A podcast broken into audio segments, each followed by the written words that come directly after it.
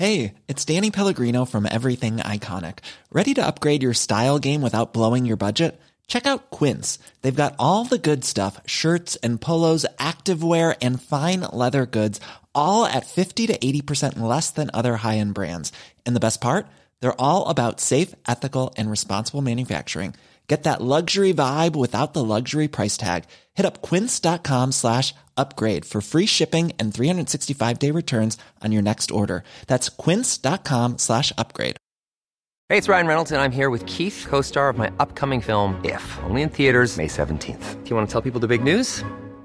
All right, I'll do it. Sign up now and you'll get unlimited for $15 a month and six months of Paramount Plus Essential Plan on us. Mintmobile.com slash switch. Upfront payment of $45 equivalent to $15 per month. Unlimited over 40 gigabytes per month. Face lower speeds. Videos at 480p. Active Mint customers by 531.24 get six months of Paramount Plus Essential Plan. Auto renews after six months. Offer ends May 31st, 2024. Separate Paramount Plus registration required. Terms and conditions apply if rated PG. Hi, I'm Daniel, founder of Pretty Litter. Did you know cats tend to hide symptoms of sickness and pain? I learned this the hard way after losing my cat, Gingy. So I created Pretty Litter, a health monitoring litter that helps detect early signs of illness by changing colors, saving you money and potentially your cat's life. Pretty Litter is veterinarian developed, and it's the easiest way to keep tabs on your fur baby's health right at home. Go to prettylitter.com and use code ACAST for 20% off your first order and a free cat toy. Terms and conditions apply. See site for details. Vad är styrelsens roll för att leda för hälsa?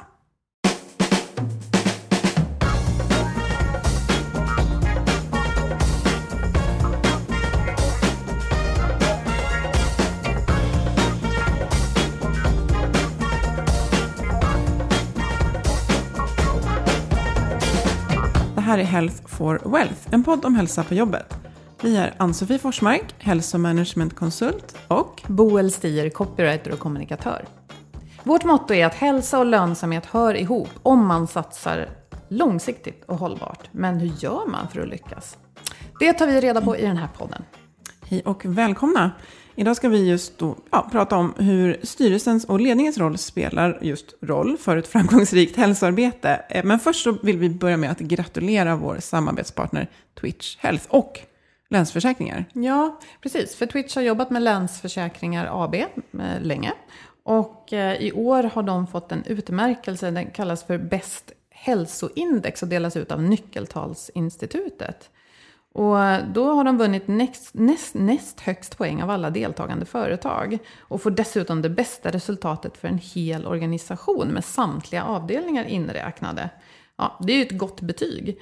Eh, och Länsförsäkringar, säger då Nyckeltalsinstitutet, ligger i framkant jämfört med andra aktörer i finansbranschen. Och när det gäller att man har mätt eh, saker som eh, Ehm, lägre korttidssjukfrånvaro, stödjande strukturer i arbetsmiljö och hälsoarbete och satsning på friskvård. Mm. Och en del i det här har förstås Twitch Health, som är deras hälsopartner då. Och eh, man kan läsa om eh, framgången i det här samarbetet på Twitch Healths hemsida. Vi lägger en länk till det. Men några delar är just att man både stöttar med, med fysisk och mental hälsa. Och det vet ju vi är viktigt för Twitch, den här helheten då. Eh, så bland annat så har man drivit ett hälsocenter. Det finns personlig träning, eh, massage, idrottsmassage, naprapati, fysioterapi. Eh, men dessutom så har man utbildat Länsförsäkringars 200 chefer och hjälpt HR med att ehm, göra vissa upphandlingar och, och, och jobba med den här frågan. Så att man har fokuserat just på den här både fysiska och mentala delen. Och det har ju uppenbarligen då eh, gett jättegoda resultat, vilket är jättekul och det är vi är inte jätteförvånade. Nej. Så grattis igen och som sagt, vi lägger en länk till det här och läs gärna mer på Twitch Healths hemsida. Så, nu ska vi välkomna Caroline Lonud hit. Välkommen! Tackar. Och vi är förstås nyfikna på vem du är, så du får jättegärna presentera dig först. Ja. Eh, jag har en bakgrund som psykolog inom företagshälsa. Eh, så jag har jobbat som eh, ja, psykologkonsult med både individ och grupp och organisation i ett antal år. Och eh, när jag var där så blev jag väldigt intresserad av eh, ledarskapets betydelse för de personer som jag träffade. Jag tyckte att mig märka att eh, eh, de individer som till exempel var sjukskrivna på grund av stress och skulle återgå i arbete, att eh, hur chefen hanterade det här hade en väldigt stor betydelse för framgången. Eh, och så fick jag möjlighet att bli doktorand i ett projekt som eh, studerade effekterna av ledarskapsutveckling. Och det var lite högsta vinsten för mig tyckte jag, för det förenade både det här intresset för ledarskapets roll, men också brinner mitt hjärta för eh, utveckling, för pedagogik, för ja, ledarskapsutveckling. För jag, en av uppgifterna som jag hade eh, som psykolog inom företagshälsa var också att utbilda mycket och föreläsa. Eh, och det var ganska många gånger som både jag och cheferna jag träffade, när vi hade till exempel utbildning i psykosocial arbetsmiljö, eh, Eh, att vi reflekterade över att det var väldigt intressanta, eh, utvecklande och stimulerande diskussioner. Eh, och de lärde sig mycket, men, men också fanns den här insikten, både hos dem och mig, att när de sen kommer tillbaka till sin verksamhet så är det inte just det som kanske premieras. Så att det fanns en frustration över att det här är jättebra att kunna, men kommer jag att använda det? När ska jag använda det? Få tid till det och så vidare. Så att eh, för mig var det här avhandlingsprojektet så spännande. Så mm. sen så fick jag då en, eh, doktorerade jag då och har nu då en PhD som det heter. jag är medicinedoktor i medical management. Och sen dess så har jag varit involverad i olika forskningsprojekt som handlar om ledarskap på olika sätt och arbetsmiljö har det varit. Och eh, just nu så handlar det då om styrelsens betydelse eh, för hälsa och säkerhet i bolaget. Och det här är som jag förstår det lite nytt eller inte så vanligt grepp. För visst är det vanligare att man studerar medarbetares eh, interaktion med när, alltså den närmsta chefen ja. eller de som är allra närmast i organisationen. Ja, Styrelsen absolut. sitter lite längre bort. Den gör ju det, mm. ja. Och är ju ofta inte heller så känd för dem i bolaget, mm. eh, åtminstone de, för de lägre ner i organisationen. Så att styrelsens roll är eh, relativt okänd. Det finns väldigt lite forskat på det. Så när det gäller, om man, om man tänker att en, en verksamhet har ju alltid ett mål, någon form av mål. Och det, att uppnå det målet är ju helt beroende av att personalen gör saker, eh, de rätta sakerna dagarna ända. Så att personalens beteende är ju jätteviktigt.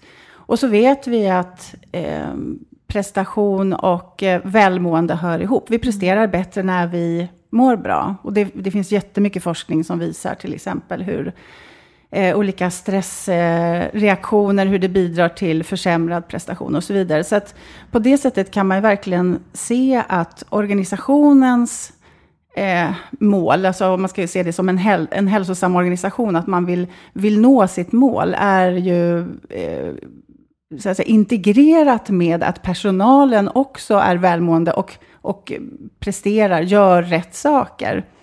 Så, och så vet vi också att det finns mängder av eh, forskning som visar att eh, olika faktorer i arbetet antingen kan hjälpa eller skälpa hälsan. De här kända modellerna som kon kontroll, krav, kontroll, stödmodellen till exempel, eller krav, resurs resursmodellen, som visar att det finns arbetsmiljöer där de här riskfaktorerna är högre och då blir fler sjuka i en sån organisation. Om man till exempel har krav på sig men man har inte resurser att möta de kraven, Nej. då sitter man i en rävsax. Ja, precis.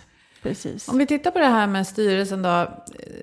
Då du är ju inne i ett arbete och deltar mm. i den här studien just mm. nu, så du kan, inte riktigt, du kan inte säga något om slutresultatet nej, ännu. Nej. Men det är ändå intressant att höra vilka liksom, tankar och idéer som, och reflektioner som ni har som jobbar med det. Och vad du vet också om hur det brukar vara. För jag tänker, styrelsen sitter en bit bort. Mm. Det brukar vara så här, styrelsen sätter upp ramverk för en, en VD mm. som leder så att säga, med det dagliga mm. i ett eh, företag eller organisation, eller hur? Mm, just det. Och hur brukar det vara på en styrelses agenda? Är det mycket siffror och mm. affärsmål, eller? Ja, eh, nu ska jag säga i den här eh, studien som eh, jag deltar i och som leds av eh, Ulrika von Thieleschwarz och Mandus Frykman och mig själv just nu. Eh, där har vi eh, ett antal styrelser, och vi, jag kan inte säga att vi, vi, har, vi har inte hundra styrelser, utan vi har ungefär 15, ett femtontal som själva har valt att medverka. Eh, och det är ju en, en sak att komma ihåg, att eh, eh, de som har valt att medverka kanske inte är representativt för alla styrelser, men, men vi har då styrelser från fyra olika eh, branscher, eh, både från handel, eh, från bygg, från tillverkning och från vård och omsorg. Alltså vård och omsorg. Så, att, så att det finns ju en spridning på det sättet. Eh, och huruvida det här finns på agendan eller inte, det ser ju väldigt olika ut såklart. Det finns en variation. Eh, vissa av eh, styrelserna, de, de flesta styrelser som vi pratar med, eh, tycker att de har ett ansvar. Eh, de, de, har ju det, det, övergripande ansvaret för förvaltning, organisation och följa upp och så vidare. Eh, och då är det vissa som tycker att eh, det ingår, eller att det i alla fall finns ett värde i att det ingår även i deras uppdrag att sätta fokus på de här frågorna. Medan andra styrelser resonerar mer som så att det här eh, låter vi den operativa ledningen hantera.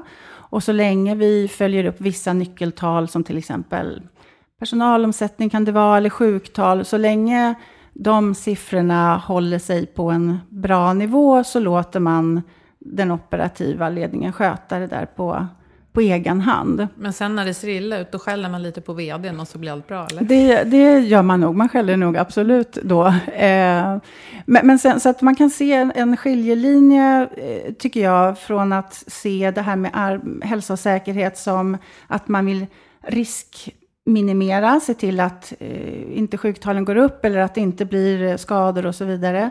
Eller man kan också se det som en mer affärsstrategisk eh, bit eh, som man integrerar, att man inte ser det som en liksom, sidovagn utan integrerar det mer i att faktiskt driva affären och, och eh, göra sig själv till en attraktiv arbetsgivare eller ja, på det sättet. För är någonting affärsstrategiskt, då ska det, sitta, då ska det finnas med på styrelsens agenda, är det så? Eh, ska eh, tror jag inte att det finns på det sättet eh, beskrivet. Men jag tänker så här att om man ser en, eh, det här området som affärsstrategiskt, då kommer man också på, eh, även på styrelsenivå se det som en fråga som man vill engagera sig mera i och sätta ett fokus på i styrelserummet. Och det kan ju innebära att man har det på, som en ständig punkt på agendan. Eh, det kan innebära, vissa går kanske lite snabbare igenom de här. I en kvartalsrapport så finns det oftast med någon form av stycke kring det här med sjuktal och, och, kanske personalomsättning eller vad det nu må vara.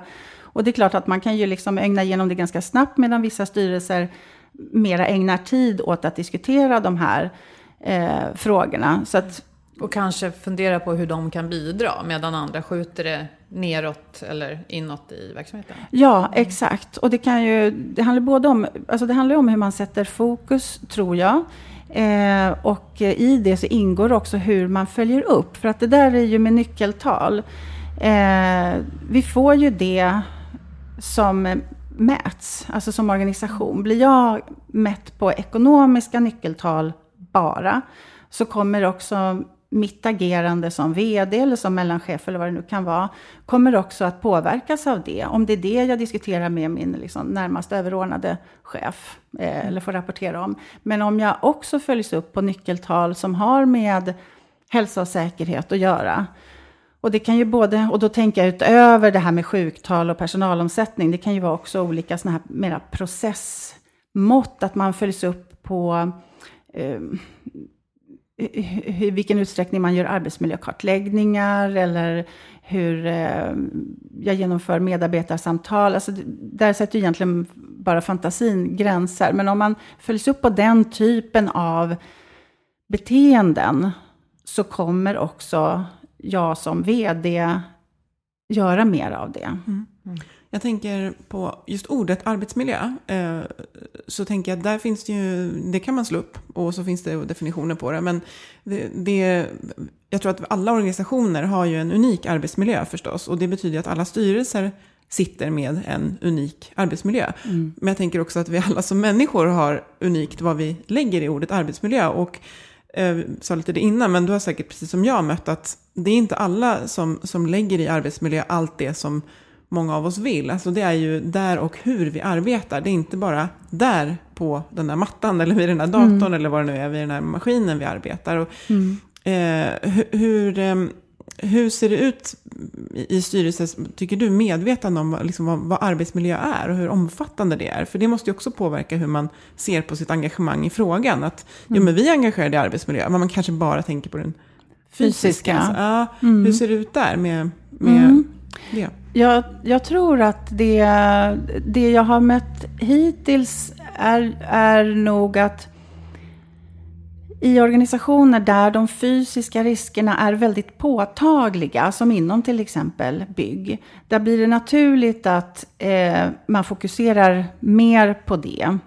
På olycksrisker och minimera dem? Ja, exakt. Tillbud och skador på olika vis. Eh, och, eh, och kanske man kan se det som naturligt, alltså där, där kan ju eh, skadorna som personal kan råka ut för är många gånger så pass allvarliga, alltså det kan ju vara dödsolyckor och så vidare. Och så blir det också ganska lätt att se huruvida det är arbetsrelaterat eller inte. Faller en, eh, tappar en kranbil en, ett block med betong i huvudet på någon, ja då är det väldigt tydligt arbetsrelaterat. Mm. arbetsrelaterat. Eh, så, så, att jag men tror att det skulle... om någon lider av utmattningsdepression ja, så är det kanske det är inte lika lätt, Nej, mm. precis. Det här orsakssambanden blir inte lika lätta att, att se. Eh, plus att de är ju... Ja, de, de blir ju förlängda i tid och det är, många gånger så är det ju flera faktorer som bidrar. Det är ju också, det är ju någonstans i mötet mellan mig och arbetsmiljön som någonting uppstår. För att alla individer blir ju inte sjuka av samma arbetsmiljö. Eh, men det finns ju vissa arbetsmiljöer där fler blir sjuka, alltså där man kan se att här finns det ju riskfaktorer. Men jag tror att det, här, att det kan vara svårt att se de här sambanden ibland. Och det, det skulle ju kunna påverka i vilken utsträckning man som då styrelse trycker på när det gäller de här frågorna. Men naturligt är det ju också så att i, i företag där de här fysiska riskerna inte är lika påtagliga så blir det kanske också Ehm, är det en styrelse som fokuserar på arbetsmiljön så, så blir det mera de, den sociala organisatoriska delen som man kanske följer upp. Till exempel stress, om man har problem med det. Så de styrelser som är engagerade, de ser att det är de här nyckeltalen som vi kanske bör följa. Mm. Om, om jag förstår det rätt då, så, så finns det en hög medvetenhet om hur liksom omfattande arbetsmiljö är. Men, men vad fokuset blir för styrelsen, det är lite beroende av vilken typ av av verksamhet förstås. Absolut så. så. Och jag ska säga att eh, insikten om arbetsmiljön skiftar naturligtvis. Det är mm. olika. Mm. Vissa eh, styrelser är eh, mycket engagerade, skulle jag säga. Eh, medan andra är eh, mindre engagerade och kanske tycker att den operativa ledningen eh, ja, är de bäst lämpade att ta hand om det där. Och kanske inte riktigt eh, tänker på sig själva, eh, rätt eller fel, men inte tänker på sig själva som en liksom, kultur... Eh, eh att, att faktiskt mm. de skulle kunna ha ett inflytande i det här.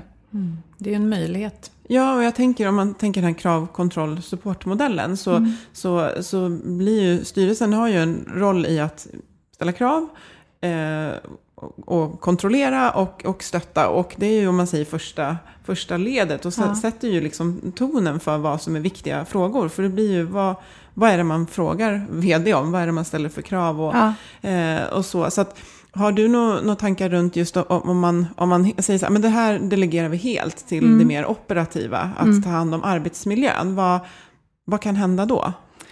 Ja, för det där tycker jag är en intressant fråga, för att jag Eh, Eh, jag, jag har intrycket av att ju högre upp i en chefshierarki som du befinner dig, eh, desto större eh, hur ska jag säga, eh, man har intrycket av att de personerna ska vara så självgående.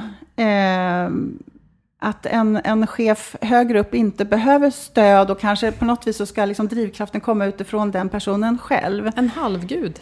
Ja, ja precis. Eh, men, men en VD är ju också en person som eh, vars beteende påverkas av vilken typ av eh, uppmärksamhet man får för vissa frågor uppifrån.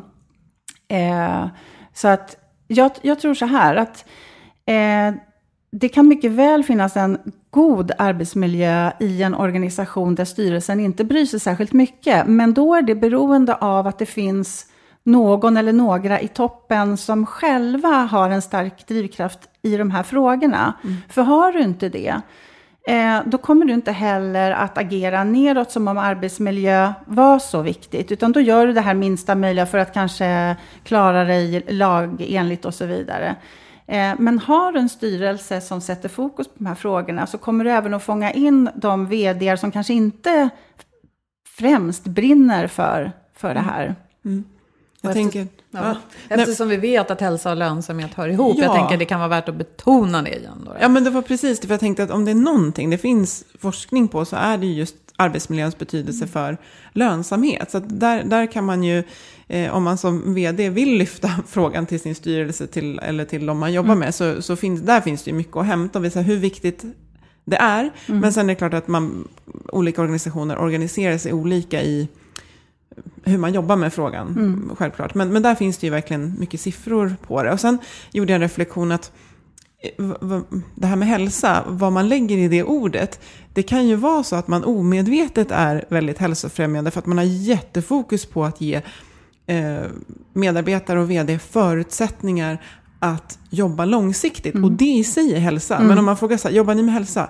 Ja, mm. nej det är vi lite dåliga på. Man på. kallar inte det för arbetsmiljö nej. heller. Nej, men det utan det kan verksamhet. leda till en, mm. en god arbetsmiljö, god hälsa. Mm. Ja, det är intressant. Mm. Då kan du, för jag tänker att det kan finnas just organisationer där man mår väldigt bra. Men så här, hälsa, nej men, nej men det här jobbar vi med och det tycker vi är viktigt. Men man kanske inte kallar det för hälsa. För alla de här grejerna liksom, hälsa och arbetsmiljö mm. går ju att definiera på, på liksom olika sätt. Just det. Ja.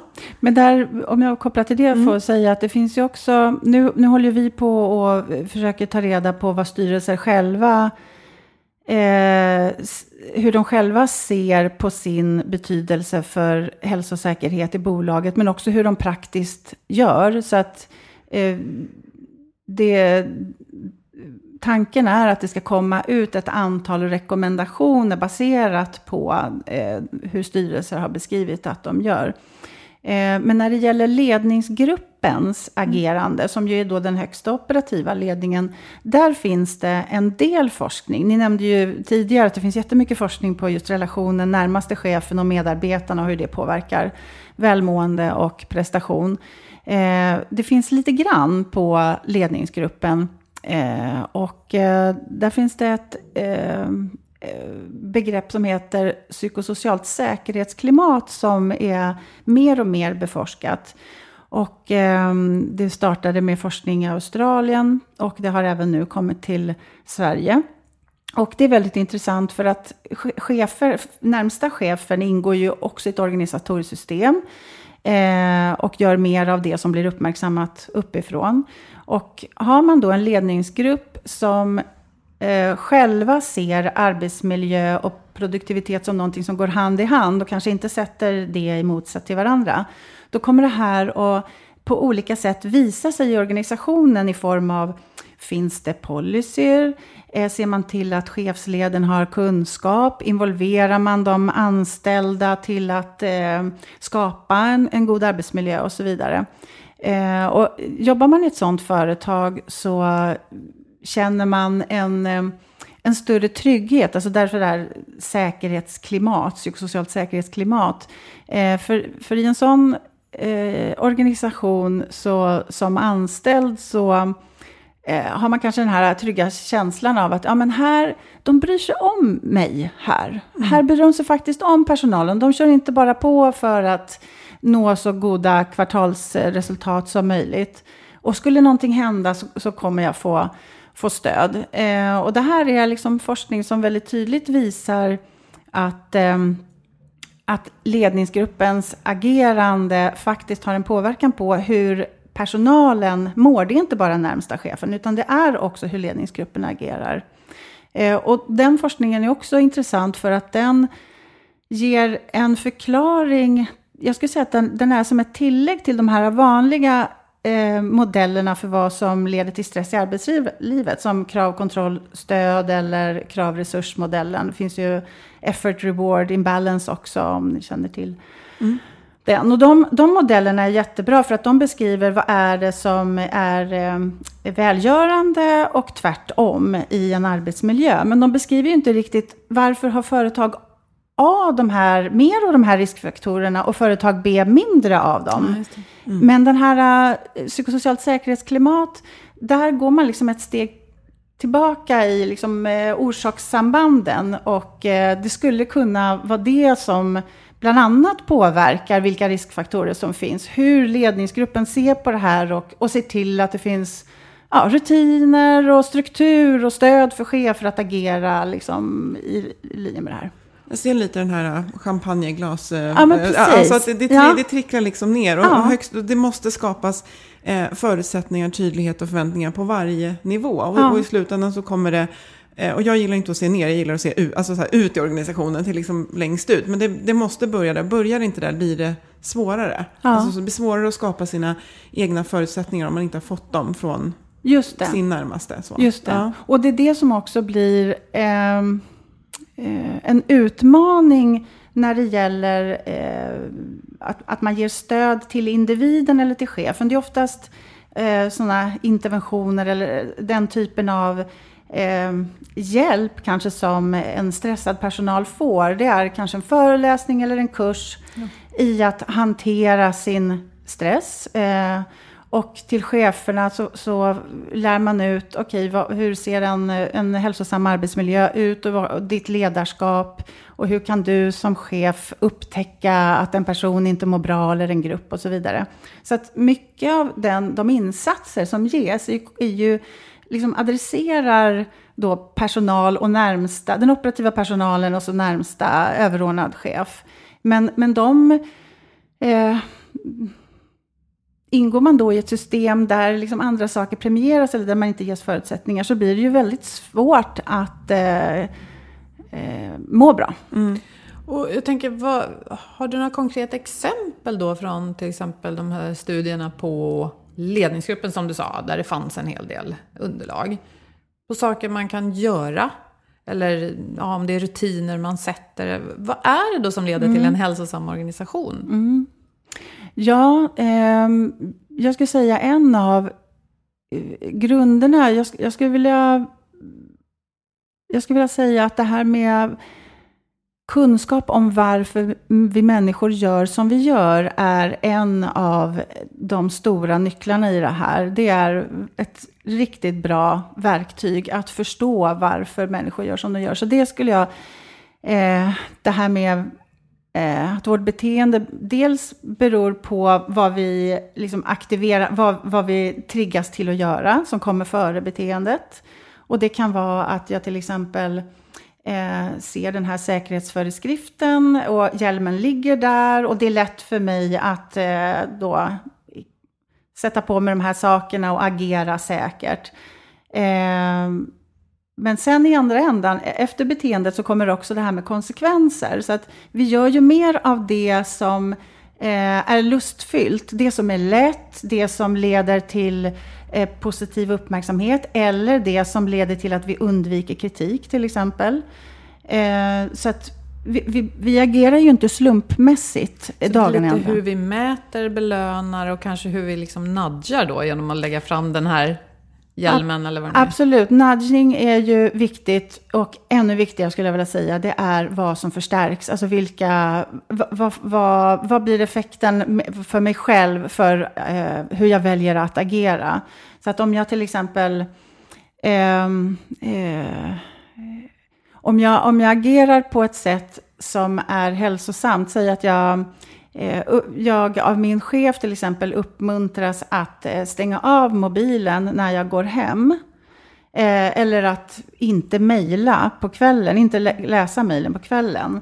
Eh, så eh, är ju det en bra uppmaning. Men om sen min chef mejlar mm. på kvällen eh, och säger att ja, men ni andra behöver inte, jag kommer mejla för jag jobbar bra på kvällen, men ni andra behöver inte göra det. Då blir det ändå, mina fantasier blir, ja fast vore det kanske bra för mig om jag svarade på det här? Mm. Kommer jag upplevas som liksom extra duktig då? Då är jag lite mm. mer lik chefen och jag kanske vill bli som honom eller henne. Ja, som... det, här, ja det här vi har pratat om just sådana här exempel, just det här med att eh, ja, att hur man följer upp en, man säger så här, men gör det här, men sen går ja, det här kanske inte är kultur då, men det är i alla fall ett beteende som går lite på tvärs mot det man uppmuntrar. Att man måste mm. titta på hela cirkeln runt. Så här, okej, vi vill ha det här beteendet, varför vill vi ha det mm. och hur stöttar vi det och vad är min roll som chef för att mm. stötta det? Kan jag då mejla en lördag och mm. ja, lite sådär. Jätteintressant, som varje organisation behöver Just det. Liksom diskutera utifrån sina förutsättningar. Men jag skulle säga att det absolut är kultur, för kultur är ju beteenden. Ja. Det är ju ja. då, hur vi liksom vanligtvis gör i mm. en organisation. Så tittar man på eh, hur medlemmarna i en organisation, de anställda, agerar, så kan man direkt förstå att okej, okay, här är det någonting som eh, förstärker det här beteendet. Det är någonting som gör det lustfyllt att göra precis det här. Och det gäller ju uppifrån och ner. Så att vd kommer ju också göra det som hen uppfattar är eh, önskvärt uppifrån, från mm. styrelsen. Mm. Och där kan jag också tänka just det här när man exempel man gör aktiviteter för hälsa som ändå liksom, som är fokus. Att det här, är, det här tycker vi är jätteviktigt, det här får ni. Och sen är det inga chefer med på den, om vi säger att det är en aktivitet eller någonting, då, mm. då blir det ju verkligen en så kulturkrock i det. Det här är mm. jätteviktigt. Vart ja, är cheferna? Har inte tid. Varsågoda och gå på en stressföreläsning. Mm. Chefen mm. har inte tid att närvara. Mm. Just det. Mm. Så tillbaka till frågan till vad kan en organisation göra? Dels så, så, för ofta så finns det ju, det finns värderingar och det finns olika eh, code of conduct och man har visioner och så vidare. Och eh, många gånger så är de här svåra att agera utifrån för att det, det blir så vida begrepp. Så att där tror jag att, att, det, att det blir mycket, mycket eh, vassare i att identifiera vad är det för beteenden som vi faktiskt förstärker den här organisationen och är det verkligen rätt beteenden? Dels leder de mot verksamhetens mål eh, och är, eh, leder de mot hälsa. Och som sagt var, de där går ju ofta hand i hand. Så att kunskap om beteenden, men också att jag, jag tror att eh, det vore väldigt bra för många organisationer om, om eh, de hierarkiska skikten högre upp också fick mer kunskap och agerade eh, utifrån att arbetsmiljö eh, är viktigt. Mm. Det är så härligt att höra dig, för att precis innan här så spelade vi in det avsnitt som om ni lyssnar i kronologisk ordning, har lyssnat på innan. Och då mm. pratade vi just om det här med beteenden och att mm. vi behöver ju belöna beteenden som tar oss dit vi ska. Men det kan inte bara ske ytterst i organisationen, det måste liksom ske, ske överallt. Mm, yes. Ja. Um, ja, men jag tycker vi fortsätter på det här just det här, vad, vad kan vi mer, vad, är det några mer tips som du vill, vill liksom skicka med? Just hur, hur kan vi tänka mer utöver det du sa nu? Uh, hur kan vi tänka mer? Och göra. ja, precis. Förutom att skaffa sig kunskap om det där så eh, har man den kunskapen om vad som eh, får oss att göra det vi gör och påverkar beteenden och, eh, och också har kunskapen eh, eller åtminstone åsikten att eh, arbetsmiljö och produktivitet går hand i hand.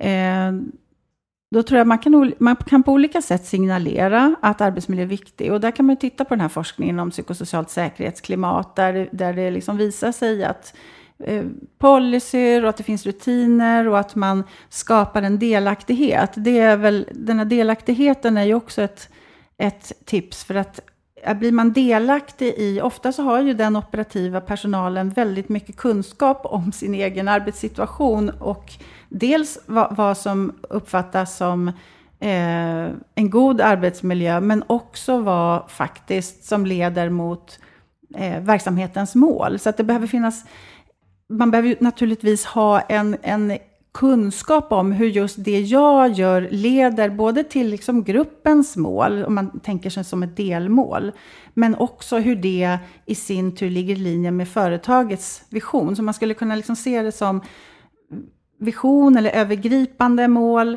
och teamets mål eller enhetens mål och hur jag, hur mina beteenden bidrar till det. Så att, att kunna liksom se den eh, röda tråden. Eh, för ofta en av sakerna som vi mår dåligt av är ju att eh, en känsla av meningslöshet. Att vi inte riktigt förstår eller inte ser hur vår lilla del, hur, hur bidrog den här arbetsdagen till det stora övergripande? Finns det en tydlig koppling där? så kommer jag också känna att jag ingår i ett större sammanhang och att jag, att jag bidrar. Och för att komma dit så behöver ju dels det finnas en tydlighet kring det övergripande och hur det liksom rinner ner till beteenden.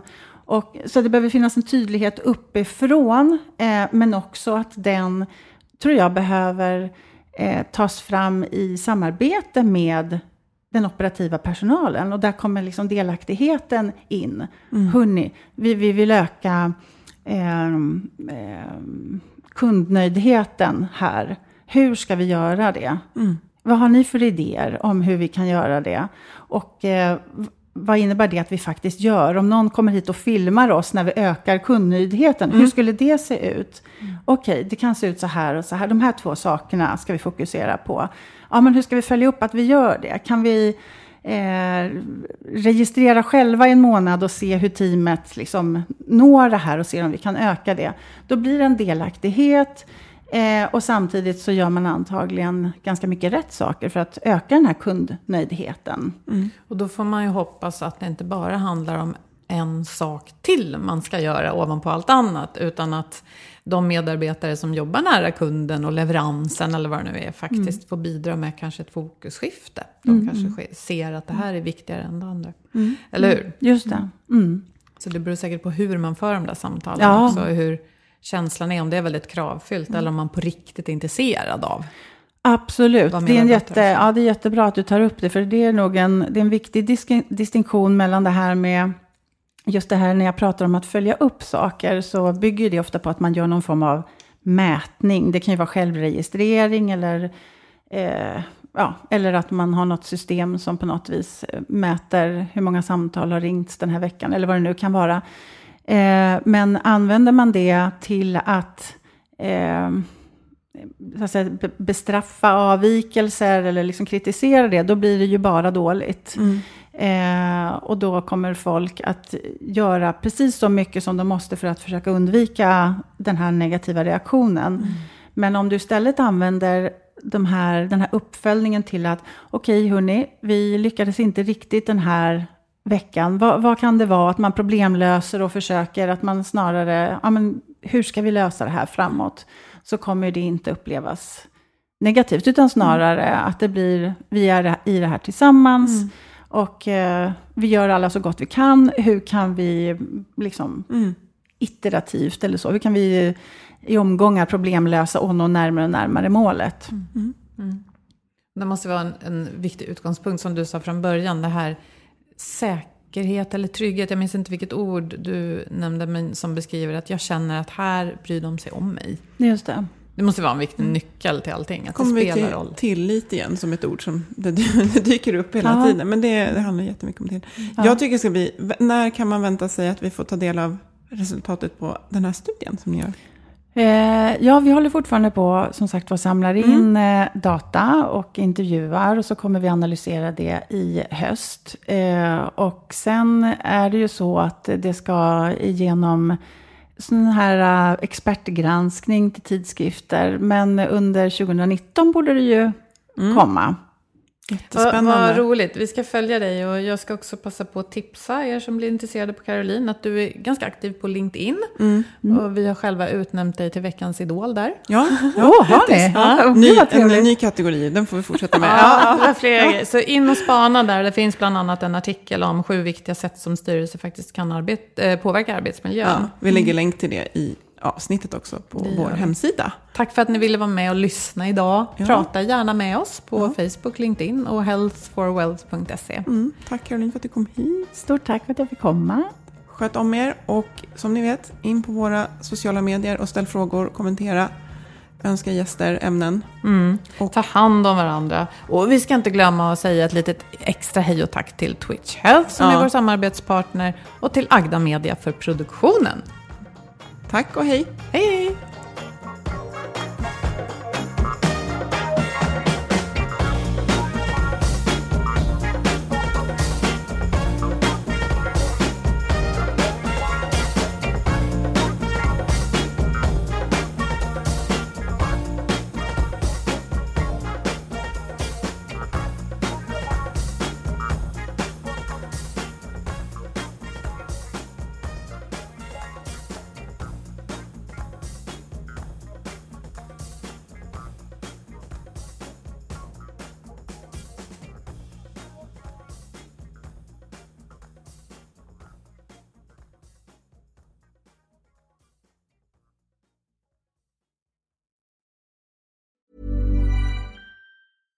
Ever catch yourself eating the same flavorless dinner three days in a row?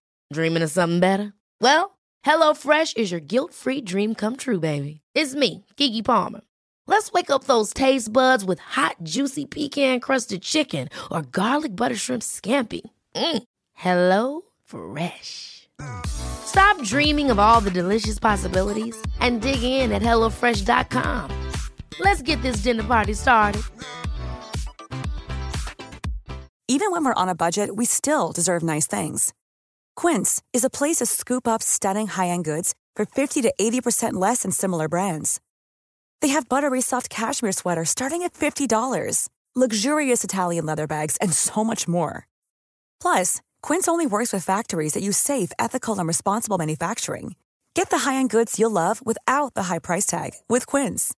Go to quince.com slash style for free shipping and 365-day returns. The secret to visibly firmer, summer ready skin is here. Osea's number one best selling Andaria Algae Body Oil. Clinically proven to instantly improve skin elasticity and transform dull, dry skin to silky, soft, and unbelievably glowing. Rich yet never greasy, Andaria Algae Body Oil is formulated with sustainably sourced seaweed to help replenish the skin's moisture barrier and seven nourishing active botanical oils for results you can see and feel all over. The best part? It's signature scent. A blend of freshly squeezed grapefruit, cypress, and mango mandarin transports you to sun kissed summer days. This all natural scent is unforgettable.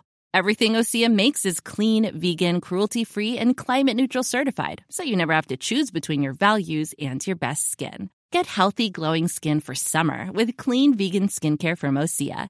Get 10% off your first order site wide with code GLOW at OseaMalibu.com. That's OSEAMalibu.com code GLOW.